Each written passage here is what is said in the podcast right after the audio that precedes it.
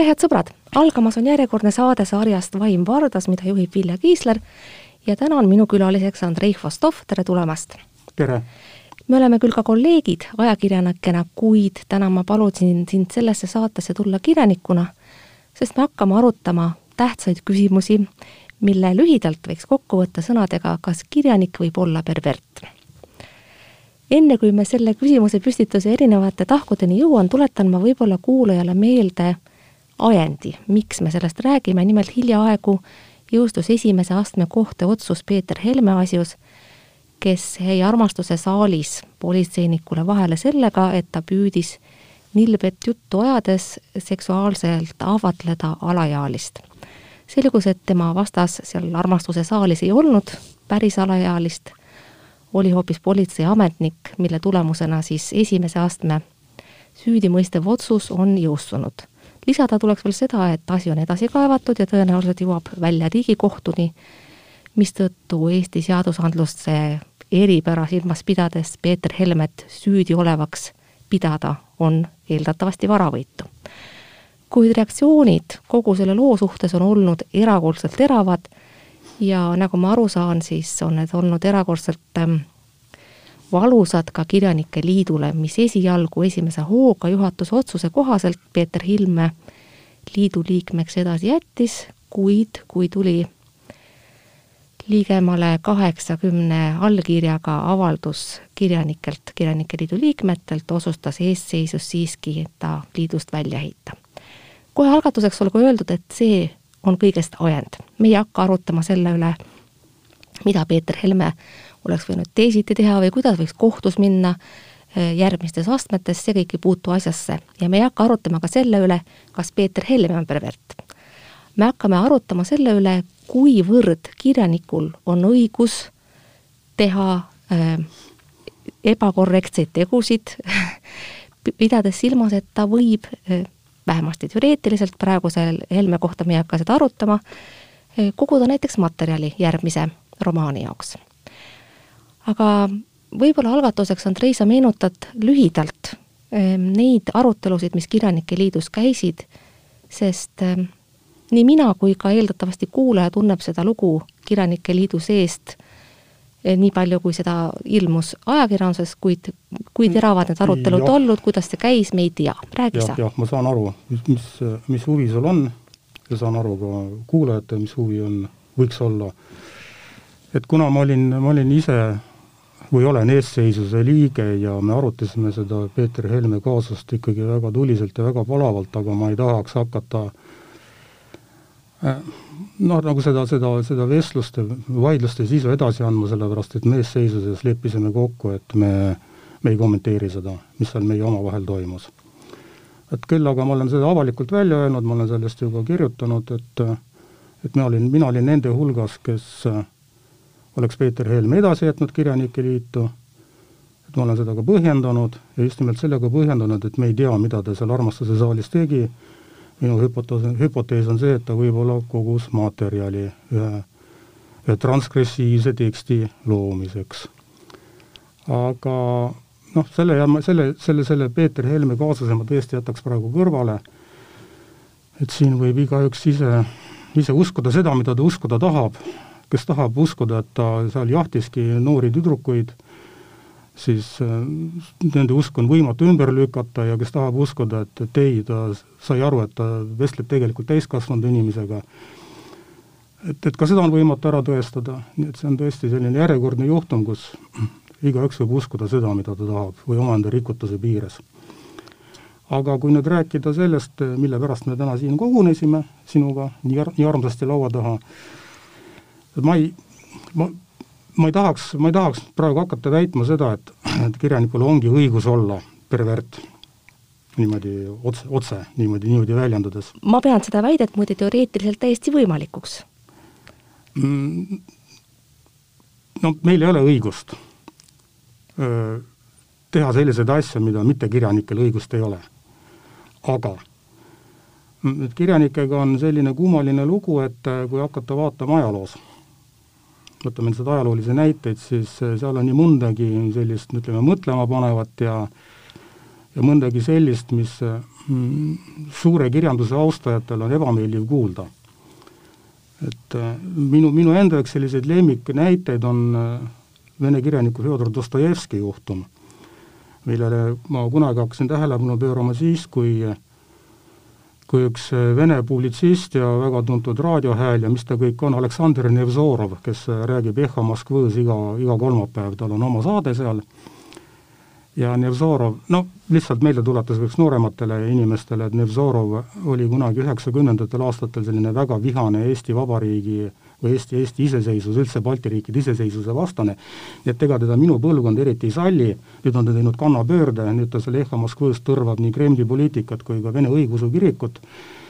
Ja Fjodor Dostojevski on üks tema selliseid mm, antikangelasi, mitte lemmikuid Nevzorovile, et selline mm, religioosne fanaatik, nagu ta ütleb, ja ta alati, kui räägib Dostojevskist, lisab ka sinna juurde, et pedofiil. Mind hakkas see asi huvitama, nii et ma võtsin selle, selle Dostojevski väidetava pedofiilsuse uurida, nii palju, kui seda Vene allikad lubavad.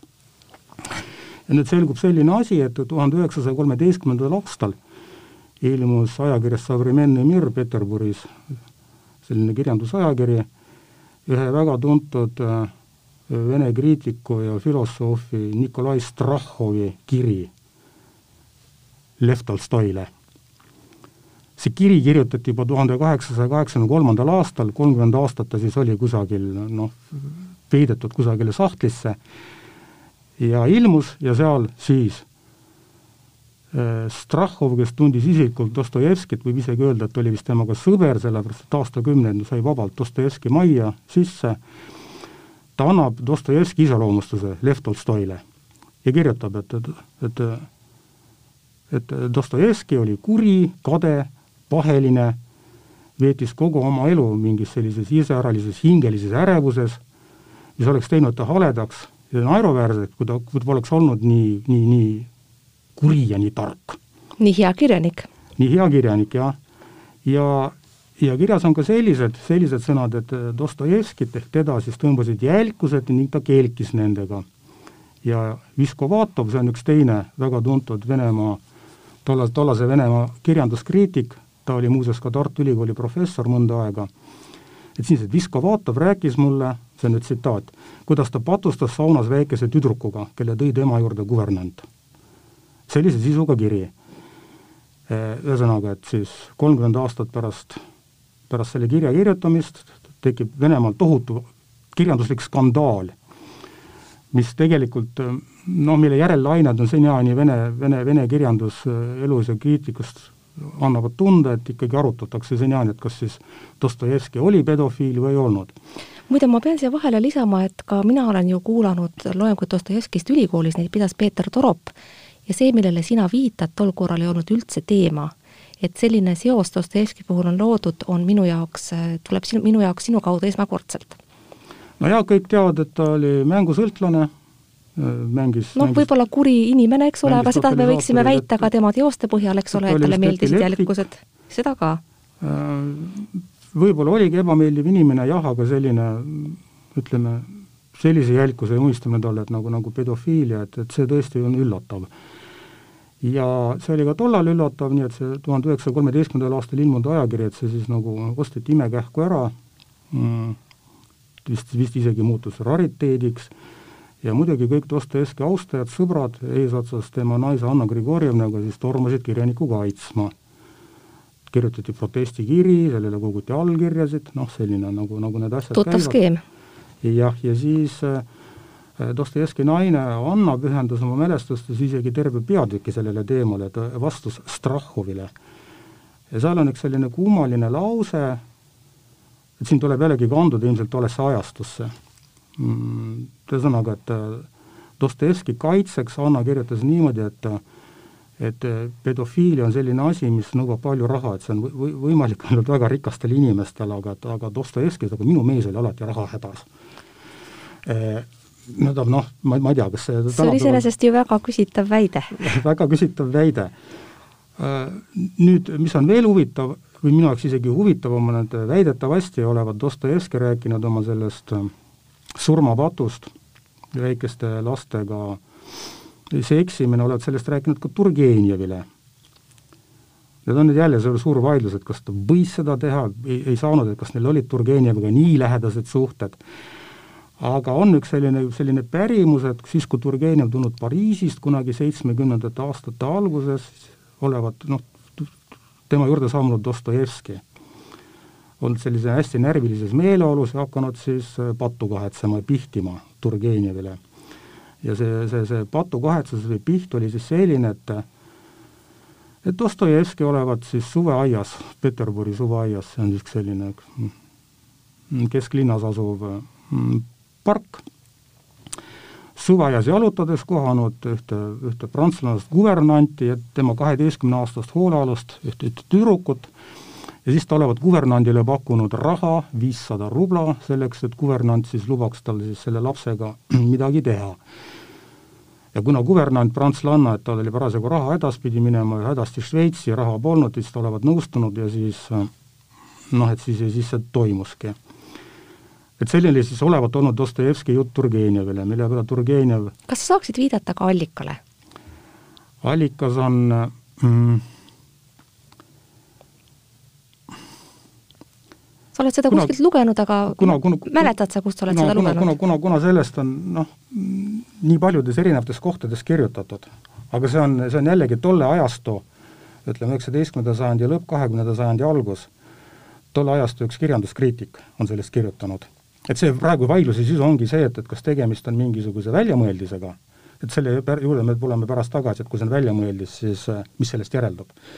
või see on tõsi aga selle loo puänt on muidugi see, et, et, et Turgenev, kui ta siis kuulis, et Dostojevski tuleb niisuguse, niisuguse jälgijutuga tema juurde, näitas näpuga ukse peale, ütles, et minge välja.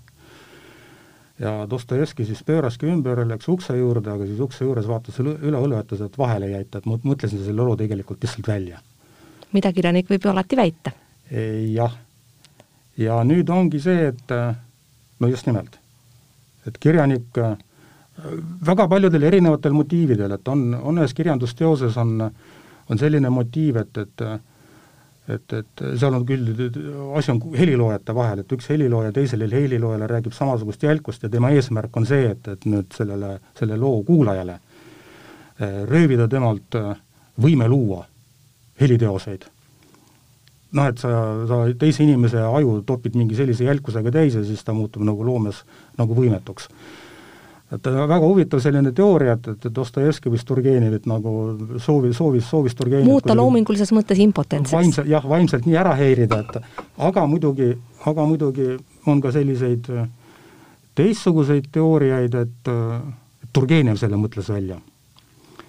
ja sellega me jõuame Dostojevski no, kahjustamiseks. jälle, jälle jõuame jah, selle küsimuseni, et, et kas kirjanik, hea küll, jätame selle, et kas kirjanik on pervert, ma ei tahaks, aga kas kirjanik on hea inimene et äh, kui Turgenev selle välja mõtles, et, et, et Dostojevski mainet kahjustada, siis äh, noh, see on, ütleme, pehmelt öeldes sigadus, eks ole. kahtlemata.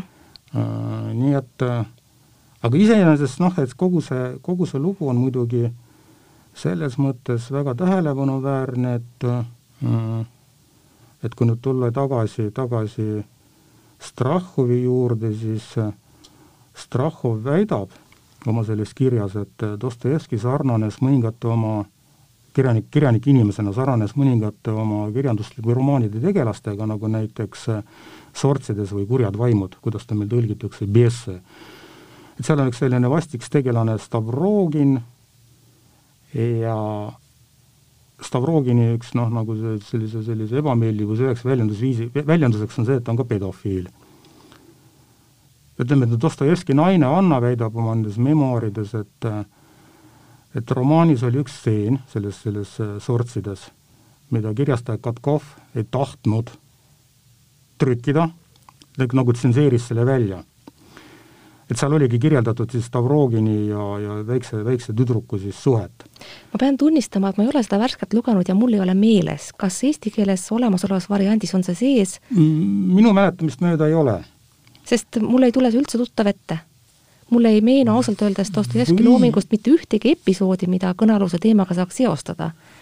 või on asi hoopiski niimoodi, et et kas selles eestikeelses variandis ei ole see mitte lisatud sinna lõppu eraldi, kui üks selline peatükk, mis ei läinud tegelikult sisse ja ma pean tunnistama, et ma olen eh, mitu korda lugenud küll pigem Kuritööd ja karistust ja Idiooti, aga näiteks eh, sedasama noh, ei ole nagu olnud põhjust uuesti üle vaadata ja ülikooliaegse lugemise põhjal ei meenu.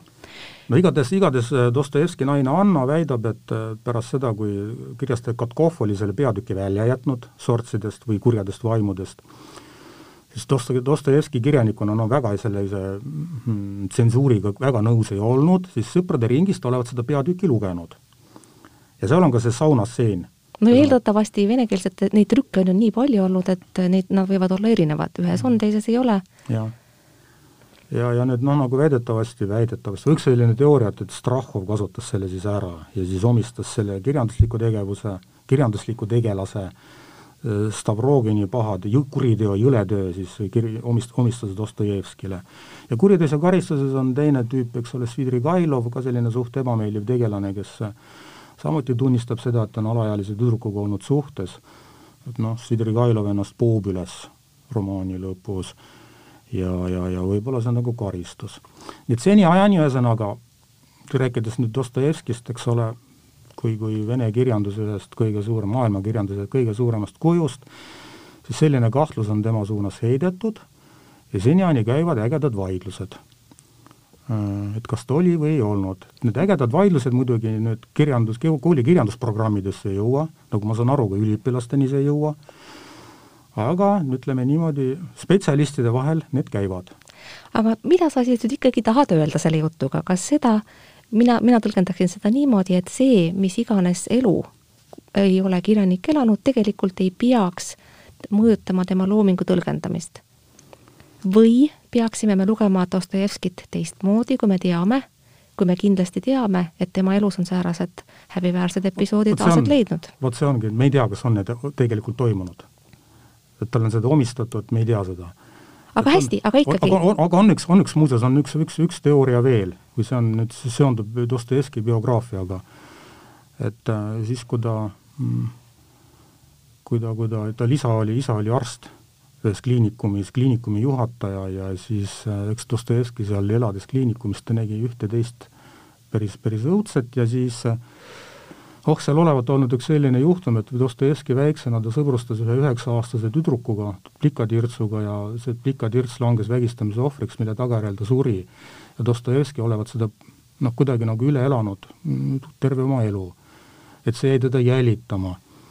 ja võib-olla ta selle selle, selle, selle, sellesse kuritöösse kirjanikuna noh, nii-öelda nagu süüvides, ta hakkas lõpuks ise kuidagi nagu tundma ennast süüdlasena ja ta võttis nagu selle, selle, selle väikse tüdrukuga juhtunud juleduse, võttis nagu oma hinge peale. ehk et millega ma nüüd tahan selle, selle arutlusega jõuda selleni, et, et muidugi meil on noh, üks koolkond ütleb, et kirjanik tuleb lahutada oma, tema teostest. et teost lugedes me ei pea teadma, kes oli kirjanik või mis, mis tema hinges toimus ja milline tema biograafia. Ja teine koolkond ütleb, et, et, et ei, vastupidi, et teose mõistmiseks peab aru saama ka, et mis kirjanikuga toimus.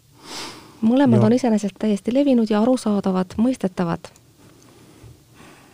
nojah, aga vot siin mina, mina kirjanikuna nüüd tahangi sinna, sinna jõuda, et ma, ma ei tahaks nüüd Peeter Helme kaasuseni jälle, jälle nagu no, selle arutlusega jõuda, aga et äh, kirjanik võib, no kuna seal on nagunii on skisofreeniline olukord, et sa pead äh, oma selles väljamõeldud maailmas elades äh, saama hakkama ka sind ümbritseva pärismaailmaga, nii et äh, siin võib tekkida mingi teatud skisofreenia ja sa oma selles väljamõeldud maailmas sa võid niimoodi süveneda, et sa lõpuks hakkadki ennast kuidagimoodi nagu samastama selle, selle tegelasega või peategelasega, kes sinu järjekordses romaanis sinna paberi peale kipub. et noh, Madame Bovary's olen mina, Balzac, kes nuttis koos oma kangelastega ja nii edasi, eks. jah, ja, ja, kui kirjanik, no ma ei tea, nüüd ongi küsimus see, et, et kas kirjanik oma seda romaani süžeed nüüd välja mõeldes,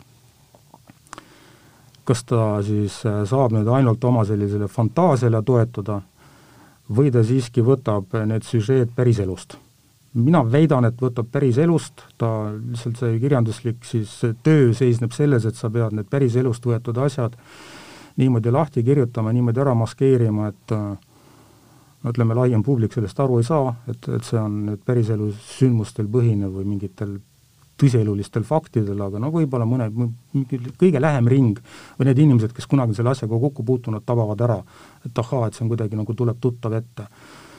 aga aga sellele vastu räägib tegelikult väga teine kuulus juhtum Eesti kirjanduses, nimelt Kaur Kenderi kaasus, kes väidetavasti oma skandaalse teose Untitled Twelve kirjutas puhtalt fantaasia põhjal, tegemist on siis ju selle teosega, mis kohtus samuti läbis mitu aastat ja jõudis lõpuks õigusmõistva otsuseni, peamiselt küll põhjendusel, et tekst pandi üles mitte Eesti territooriumile asuvas serveris. ehk teisisõnu, kui oleks kohust mõistetud, kohut mõistetud Eesti jurisdiktsiooni järgi ja Eesti pinnal tehtud tegude eest võinuks tulemus olla teistsugune. aga faktiks jääb, Kender mõtles välja. Mm, Ehk... kas see on ära tõestatud? no vähe, vähemasti mina seda lugu endale meelde tuletades küll ei lugenud, ei, mul ei jäänud ette ainsatki viidet, et tegemist võiks olla kuskilt nii-öelda elust maha kirjutatud teostega. küll aga ma vaatasin seda, seda lugu meelde tuletades üle päris paljude kirjandusteadlaste, kriitikute ja ja teiste sõnavõtjate mm, ülesastumised kohtus, mis olid väga huvitavad nii omas ajas kui ka praegu ja tasuvad tegelikult ülelugemist ka Helme kaasuses, kuigi siin muidugi tuleb vahet teha sellele, et üks kirjanikest, Helme siis, püüdis oma isiklikke kalduvusi mingil moel realiseerida päriselus, Kender väidetavasti aga kujutavas sündmusi, mis mitte kunagi aset leidnud pole ja kus ei ole ka reaalsed kannatajad, vähemasti nii olen mina sellest asjast aru saanud. No siin ongi, et ma, ma kirjanikuna ütleme, et see, see jutt võib-olla ei ole praegu parketikõlbulik. ma kutsusin sind selleks, et sa oleksid otsekohene, unusta aga, parkett. aga, aga kui Gender võttis selle kõik oma peast, oma ajudest, siis see on ikkagi, siis on tegemist meil geeniusega. Ma ei ütle, et see kõik, mis ta seal kirjeldab, muuseas ma olen seda teksti lugenud vist ainult neli esimest lehekülge, rohkem ma ei suutnud. Ja mitte sellepärast, mitte sellepärast, et mind oleks mingisugune tohutu õudus ning jälkus haaranud, vaid mul hakkas kohutavalt igav. See on kohutavalt igav tekst, sellepärast et seal no lihtsalt kuhjatakse üht, ühte õudust teise peale, ilma et lugejale antakse mingit hingamisruumi. sama siin, täp-, tundsin täpselt sama, ei suutnud lugeda, aga mul ei hakanud igav, mul oli ka vastik ja jälk. aga muide, kui sa ütled, et, et Gender on sellisel puhul geenius, siis küsin mina vastu, kas tegelikult on vahet? kas noh, jällegi puhtalt teoreetiliselt, kas sa oled selle elust maha kirjutanud või sünnitanud selle omas peas, sest inimese peas kirjaniku peas toimuv on ju samasugune reaalsus. kui midagi suudetakse ette kujutada, siis ettekujutatu on ju teataval imaginaarsel viisil olemas. miks peaks suhtuma sellesse, mis toimub inimese peas kuidagi teistmoodi? No see on see vana tegelikult kristlik, kristlik küsimus. kas mõte on juba tegu vaatab, kas meie, kas meie, meie mõtete, meie mõtete eest võiks meid äh, ka põrgusse saata või ütleme, viimsel päeval, kui me läheme sinna, sinna Peetruse palge ette, hakatakse kaaluma meie hinge, kas siis äh, see, mis me oleme elu jooksul mõelnud, kas ka see läheb patuna kirja? Et noh, on üks selline tugev traditsioon, et, et ka sõna ja mõte on tegu. mina väidan, et jaatav vastus on täiesti mõeldav, põhjendatav ja mulle isiklikult ka täitsa arusaadav kuigi ma möönan, et noh, arutada oleks siin veel palju ja vastuargumendid on samuti võimalikud. nojah, üks minu, üks minu lemmikkirjanikke viimasel ajal, ütleme üks lemmikromaan, Jonathan Littelli Heasoovijad või Heasoovlikud. See on äh, ilmunud aastal vist kaks tuhat kuus, ma tean, et seda praegu usinasti tõlgitakse eesti keelde, ma ei tea, millal see valmis saab, mina olen seda lugenud inglise keeles. Jonathan Littelli romaani peategelaseks on üks massimõrvar, üks SS-i ohvitser, Sturmbannführer Max Aue, kes on kõrvuni holokausti selles, selles noh, läbiviijate, läbiviijate ridades sees, et ta nüüd on üle, üle pea verega koos ja Littell on teda kirjeldanud niimoodi, et, et teda lugedes mul oli vahepeal nagu Auest oli kahju, ta on intellektuaal, ta on tark inimene. ta on ta, täpselt, jaa, jaa, ta on, ütleme, ütleme, kui intellektuaalide vahel niimoodi rääkida, et meie inimene, kindlasti selline tüüp, kellega oleks huvitav vestelda. tal on, on hea maitse. väga hea maitse, ta hindab klassikalises muusikas just, ma ei tea, neid asju, mida ka mina hindaksin, ta on noh, ühesõnaga suurepärane inimene justkui. Ja tegelikult ikkagi täie, täiesti täiemõõduline jõletis, kes tapab inimesi, ta on ju massimõrvar, eks? ta on massimõrvar, ta on jah, isiklikult osalenud selles kõiges või jaa, täideviijana, aga muidugi ka selle niinimetatud, noh, Schreibtischtäter siis ka kirjutuslaua taga istudes ja siis mingisuguseid pabereid viseerides. ei, aga tal on ikkagi ka reaalsed teod, vähemasti minu meelest äh, Linnateatri lavastuses neid muidugi näidata ei saanud, see oli võimatu, aga raamatut, kui sa loed, siis aga raamat, see on täiesti olemas. raamat algabki jah, ühest massimõrva kirjeldusest. ja siis, siis seda on niimoodi kirjeldatud, et, et kui ma nüüd kirjanik Litelli peale mõtlen, et ta ju pidi ennast mõtlema massimõrvari pähe. ta pidi ise kirjutamise käigus muutuma massimõrvariks. ja selle tõttu ütleme, et ma saan aru ka nendest, ütleme, kirjanduskriitikutest, kes ütlevad, et et Littell tegi oma romaaniga midagi lubamatut, et ei noh, isegi, isegi üks, üks, üks, üks vene kirjanik ütles mulle, et noh, et Littell on ikka tõeline lurjus täielik kaabakas. aga ometi nagu mõeldakse temast rääkides enamasti selle peale, et, et, et kuna ta seda näitas, siis seda tuleks ikkagi mõista noh, kogu holokausti vastasusena, massimõrvade vastasusena ja nii on seda minu meelest ka valdavalt tõlgendatud.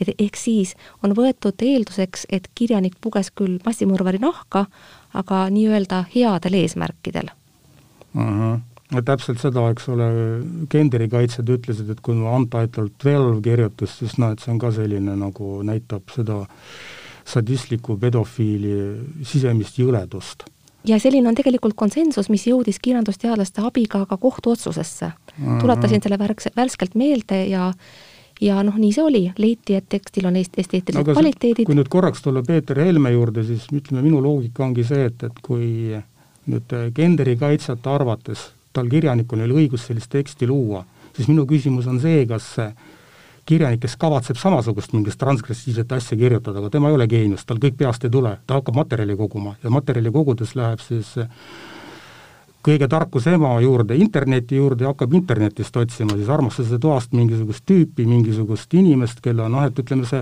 Untitled Velvet oli nii kohutavalt igav just nimelt sellepärast, et see see, see vastik sadist, kes seal on, et sa temast inimesena aru ei saa. see lugu vajab, vaja, vajab mingisugust epiloogi ta vajab, ta vajab Untitled Eleven või ma ei tea, üks, üksteist peatükki enne seda, tema kujunemislugu ja, ja, ja kui mõni kirjanik otsustab, et no ta selle lünga täidab, aga ta ei ole geenius, nagu, nagu Kaur Kender, kes suudab siis kõik selle jõleduse oma peast välja võluda ja siis ta hakkab seda materjali otsima sealt, kus ta kust, kust, kust ta suudab ja siis ta satub politseiohvitseri peale ja siis ta tiritakse kohtusse ja siis temaga hakkavad kõik need asjad juhtuma, et me siis nagu arutame, et et, et kas ta oli või ta ei olnud. väga hea, aga, aga kas, kas Dostojevski, kas ta oli või ta ei olnud, kusjuures ma ma noh, ei ütle, et, et Peeter Helme on siin kuidagi Dostojevskiga võrreldav, sellepärast et äh, mul on sa unustad üldse täiesti ära, et on täiesti teadmata ja tõestamata, et ta Armastuse saalis üldse materjali kogumas käis ja midagi kirjutada tahtis. pra-, sa elasid praegu oma tõlgendusse nii sisse, et sa unustasid ära võimaluse, võib-olla ta tõesti soovis kellegagi päriselt kohtuda ja oma fantaasiaid tegelikkuses realiseerida. ka see on täiesti variant on, on, aga ma ütlengi, see on, see on uskumise küsimus nüüd, et äh, no aga kuidas me peaksime siis, oletame, et sinu mõttekäik on relevantne, siis me tähendame, siis peaksime järeldama, et ühel heal päeval ilmub Peeter Helme teos, millest saab eeldatavasti bestseller. ja kui seda ei ilmu, kas peaks seda siis võtma tõendina, et ta soovis lihtsalt äh, ei. oma ihasid realiseerida ja ei käinud sugugi materjali kogumas? ei, ei, ei, ei. kuidas siis? võib-olla me ei tea seda ja ma ei, ma ei hakka spekuleerima, et ma ei ole, ma ei ole tema selline nagu noh, pressiesindaja ega eestkõneleja, ma lihtsalt räägin, räägin puhtalt niimoodi omaenda mingisugustest kirjanduslikest nendest piinadest ja valudest. et kui, kui mina tahaksin, oletame, et ma tahaks midagi transgressiivset kirjutada, muidugi ma enda peast võin leida igasuguseid asju, aga aga midagi niisugust, nagu, nagu need suured transgressiivsed kirjanikud meil, meil suudavad teha Bataille, eks ole, jah mulle tuli just meelde Bataille silmalugu, mida ma kahjuks riiulist üles ei leidnud, aga ma olen seda lugenud aastate taga, aastate tagusel ajal ja mul on see lugu hästi meeles. et no see on, ma ei ole transgressiivse kirjanduse eriline austaja, aga no ma enam-vähem tean, millest, mis asi see on, et seal on selline see silmalugu on ka eesti keeli ilmunud ja see lõputu, on päris, päris jälk lugu. lõputu, lõputu teineteise täis pissimine ja siis äh, munade ja, ja, ja, ja keedetud muna, kanamunade ja silmamunade, et inimese silmamunade toppimine vagiinasse ja siis ja siis ma ei tea, on, on, on olemas mingisugused Stroland Bart vist leiab seal ka mingisuguse filosoofilise sisu, sellepärast et noh, et silmamunad ja kanamunad ja sperma ja mingisugune, ma ei tea, viljakuse maagia ja ma ei tea, mis siit kõik, eks ole, on välja võimalik lugeda, seda enam, et kui me teame, et Bataille eluloos on selline üks huvitav, huvitav fakt, et ta teise maailmasõja eel ta oli, ta olevat olnud kuidagi nagu väga innustunud inimohverduste ideest ja siis ta loos mingisuguse sellise sekti või religioosse ühenduse, mis äh, mis, mis siis oli nagu suunatud inim, inimohvrite toomisele.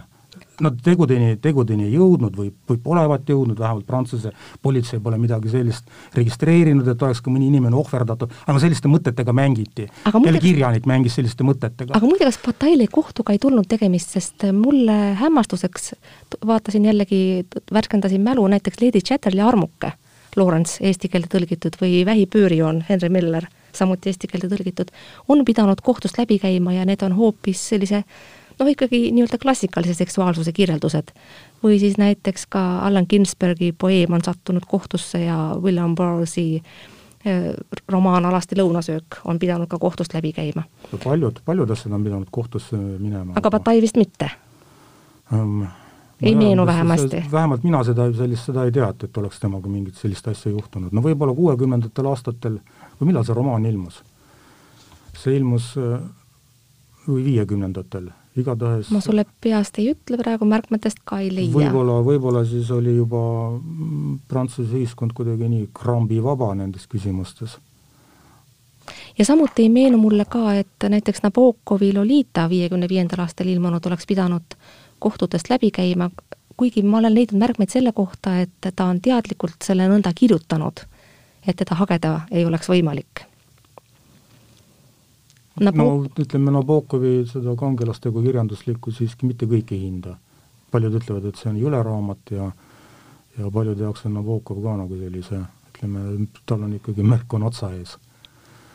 ometi on see esimene paralleel, mis ka Kenderi puhul kohe pähe tuli ja mida, mida korrutati? ei tule minule selline, mitte mingit sellist paralleeli, et ma, ma ennist ka, ma tundsin tegelikult nagu südametunnistuse piina, et kui me rääkisime alul Peeter Helmest ja siis ma võtsin Dostojevski jutuks, et siis sellest nagu järjestusest tuleks välja et ma justkui panen mingisuguse võrdusmärgi nende vahele, et absoluutselt ei pane.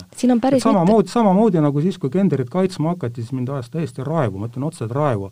seal tulid mingisugused maailmakirjanduse sellised nagu suurkujud tulid korraga võrdlusmaterjalina ette, et kui nemad tohtisid niimoodi teha, et, et siis no nagu tuleb välja, et eks ole, Kaur Kender on meie Nabokov no andke andeks, ja siis on Andrei Vostov, meie Lev Tolstoi. aga muide, kusagil, kusagil peab nende võrdlustega nagu hoogu ka pidama. muide, mind, ma olen selles mõttes sinuga täiesti nõus, et äh, see, see paralleeltõmbamine häiris ka mind justkui, see justkui ütleks, et tingimata on tegemist hea ja kunstiväärtusliku tekstiga. seda möönsid paljud Eesti kirjanduskriitikud ka kohtus, aga selle klausliga, et nende hinnangul see kõnealune Untitled Twelve ei kuulu Kenderi parimate teoste hulka ja ma pean, pean veel kord meelde tuletama, et Peeter Helme puhul, kellest me selle kõneluse alustasime, ei ole esialgu põhjust vähemasti ühestki teosest rääkida. kui sinu teooria on tõene, siis võib-olla see kunagi ilmub. no ma olen, ma olen nii jultunud tüüp, et ma väidan veel kord, ma olen sellest ka kirjutanud kusagil, noh, väidan veel kord, et kõik, mis kirjanik oma elus teeb, absoluutselt kõik, mis kirjanik oma elus teeb, seda võib vaadata kui materjali kogumist uue romaani kirjutamiseks või mingi uue teksti. et ma kui ma endale oma elus mingisuguseid jamasid korraldan, siis muidugi mitte sihilikult, et ma nüüd saaks nagu materjali, mõnikord olen ka sihilikult korraldanud, tõsi, olen küll. no aga siis sotsiaaldemokraatlikusse parteisse ma astusin arvates, et ma leian sealt materjali romaani kirjutamiseks, et mis parteides tegelikult toimub, võib-olla ma saan selle ära kasutada, võib-olla mitte, igatahes noh, sellest see ei ole edenenud, aga kui ma kriisiolukordadesse ma olen pannud tähele, siis mul, minuga toimub kahestumine. üks pool minust tegeleb selle kriisiga, teine seisab kõrval ja mõtiskleb, et aga mis on sellest kõigest toimuvast praegu minu ümber võimalik kusagil raamatus ära kasutada. aga Andrei, missugustest jälkusteks oled sa isiklikult valmis selleks, et kirjutada head romaani? mm,. mida, mida rõvedat, jälki, vastikut oled sa valmis oma elus ette võtma? kindlasti, kindlasti ma ei ole nii rumal, et ma hakkaksin sellest praegu sulle siin rääkima. noh, aga sa anna vähemalt mõned vihjed, kui me juba sellest räägime ja sa oled, möönad, et kõik sinu elus võib toimuda eesmärgiga materjali koguda, siis mõned piirid võiksid siiski ju no võib-olla, võib-olla enamus, mis mu elus on juhtunud, et, et ongi juhtunud selle tõttu, et, et ma olen midagi otsinud. ja nüüd ongi niimoodi, et ma ei hakka siin mingisugust oma patutegude registrit esitama, et need, kes mind tunnevad, need, need tunnevad ja võib-olla keegi midagi loeb sealt välja, aga nii mõndagi, mis mu elus on juhtunud, et see on andnud alust või põhjust kirjutada. ja ehk siis sinu kirjanduslikke tekste peaks tarbima teadmises, et neil on siiski teatav tõsieluline tagapõhi, nad on lihtsalt muudetud esteetiliste kvaliteetide lisamisega ilukirjanduseks, kas nii? oh, jumal seda teab. see on jälle selline hästi, hästi libe jää. tead, selles, selles, selles, selles äh, asjas võiks nagu sellise mõiste juurde tulla, nagu saksa keeles on see Schlüsselromaan millegipärast Eestis on traditsiooniks kujunenud vist alates üheksakümne, üheksakümnendatest rääkida kättemaksuromaanist. mina ei tea, kes selle, selle mõiste omal ajal lansseeris, ma küll kahtlustan, kes, aga ma ei ole seda nime niimoodi valmis praegu välja ütlema, ma ei ole kindel, seal vist Toomas Vindi mingite romaanide kohta hakati seda kasutama, kuna seal noh, täiesti sellised äratuntavalt olid mõned, mõned sellised kunstikriitikud olid saanud tümitada Toomas Vindilt kunstnikult, kes on ühtlasi ka kirjanik. see Vindi kunstniku romaani mõtled, jah? noh jah, et mm -hmm. seal on, no väidetavasti, et Ants Juske on kusagil äratuntav, et siis, aga saksa keeles on see Schlüssel romaan ja see tähendab seda, et Schlüssel on võti, et need romaani tegelased, kui nad sealt välja kirjutada, siis igaühe taha võib kirjutada reaalsuses eksisteeriva isiku, kes on kirjutatud nii äratuntavalt et äh, noh, et äh, nagu kaasaegsed, need, kes äh, seda keskkonda tunnevad, et need, nad tunnevad ilmeksimatult ära. et üks näiteks selline Schlüsseli romaan Klaus Manni Mephisto. Mephisto, mis kirjutati kolmekümne kuuendal aastal eelmisel sajandil Hollandis eksiilis olles, Klaus Mann oli Natsi-Saksamaalt põgenenud ja siis ta selles romaanis maksab kätte oma kauaaegsele sõbrale, saksa näitlejale Gustav Gründgensile äh, kes erinevalt Klaus Mannist ei, ei emigreerunud Natsi-Saksamaalt, ta jätkas oma näitlejakarjääri, ta jõudis seal väga kõrgetele teatrimaailmas ja tegelikult ka ütleme, et natsi-saksa kultuurimaailmas väga kõrgetele positsioonidele. Ja siis Klaus Mann kirjutas siis Mephisto kui sellise romaani ühest kollaborandist ja inimesest, kes siis nojah, isikliku karjääri ning heaolu nimel on valmis lõputult kollaboreerima ning sellise kurjusega nagu natsid koostööd tegema ja see Klaus, Klaus Manni raamat, et äh, ka minu jaoks on ta raskesti loetav, kuna seal on ajalooliselt on nii palju minu jaoks ebausu, ebausutavat, aga äh, mis on oluline, et, et see Klaus Manni romaan tuhande üheksasaja kuuekümne kuuendal aastal Saksamaa Liitvabariigis ta keelati. et äh, Gustav Gründgensi pärija, ta vaidlustas selle kohtus ja ta saavutas selle, et Lääne-Saksamaal oli selle romaani trükkimine, avaldamine oli keelatud, mis muidugi absoluutselt ei seganud tal levimast saksakeelses keeleruumis, kuna Saksa Demokraatlikus Vabariigis, et Ida-Saksamaal, kommunistlikul Saksamaal sellist keeldu ei olnud. ja seal seda trükiti mõnuga. ja, ja viisteist aastat hiljem, siis kaheksakümne esimesel aastal võeti see keeld maha, aga, aga noh, kui seda, seda raamatut lugeda, Mephisto siis äh, noh, ta tõesti ikkagi nende omaaegsed äh, lapsepõlve, no noorpõlvesõpradega, noorpõlvesõpradega, kellega ta koos kunagi teatris möllas, Klaus Mann, et ta ikkagi käitub väga jõhkralt. ja teine selline näide, mis mul, mulle meeldib isiklikult isegi rohkem, see on Aleksei Tolstoi Kuldvõtmeke, Buratino seiklused, no me teame kõik, et Buratino seiklused on Tolstoil maha kirjutatud äh, kolloodi Pinocchio lugudest, aga mitte, mitte, mitte sugugi sajaprotsendiliselt või üks-üheselt maha kirjutatud, sinna on ikka lisatud.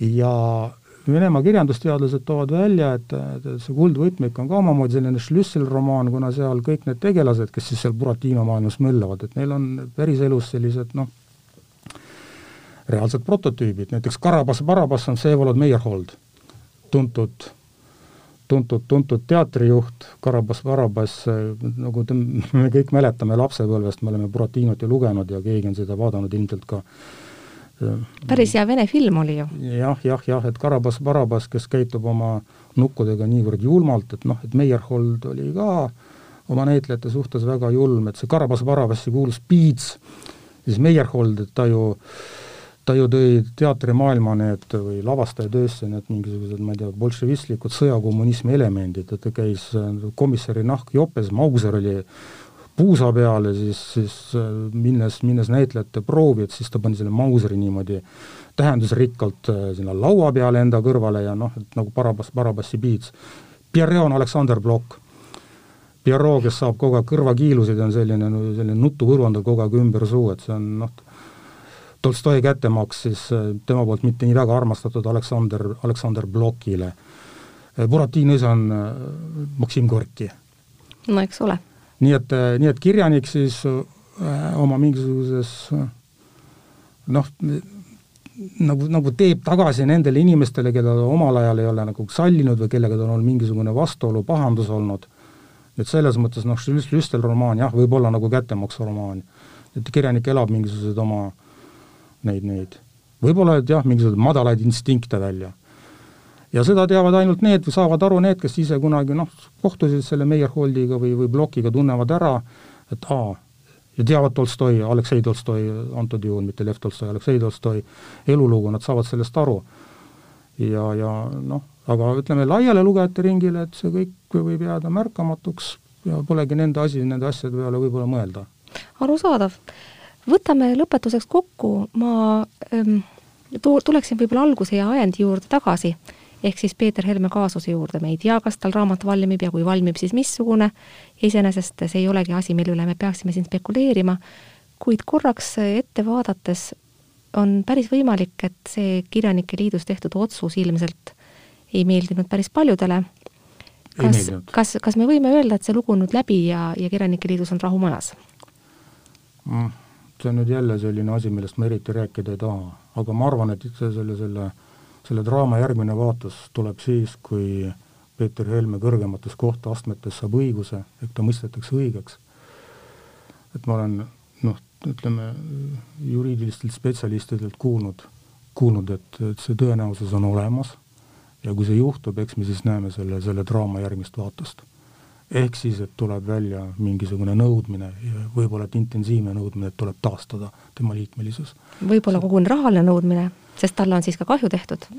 rahaline nõudmine, et ütleme niimoodi, et see ei olnud üldse, üldse ei puuduta kirjanduslikesse mingitesse probleemidesse, küsimustesse, aga kirjanike liidu finantsseisu küllalt. jah, aga aga kui ma nüüd ütlen seda, et, et ütleme, kogu see asi, mis Peeter Helme ümber juhtus, no see on jälle laiem publik, seda ei tea, aga, aga kirjavahetus või ütleme, kirjade vahetamine Kirjanike Liidu meililistis oli intensiivne, oli väga selline mm, kuidas nüüd öelda no tegemist on ju kirjanikega, milliseid kirju kirjutati, oh, lugeda oli huvitav.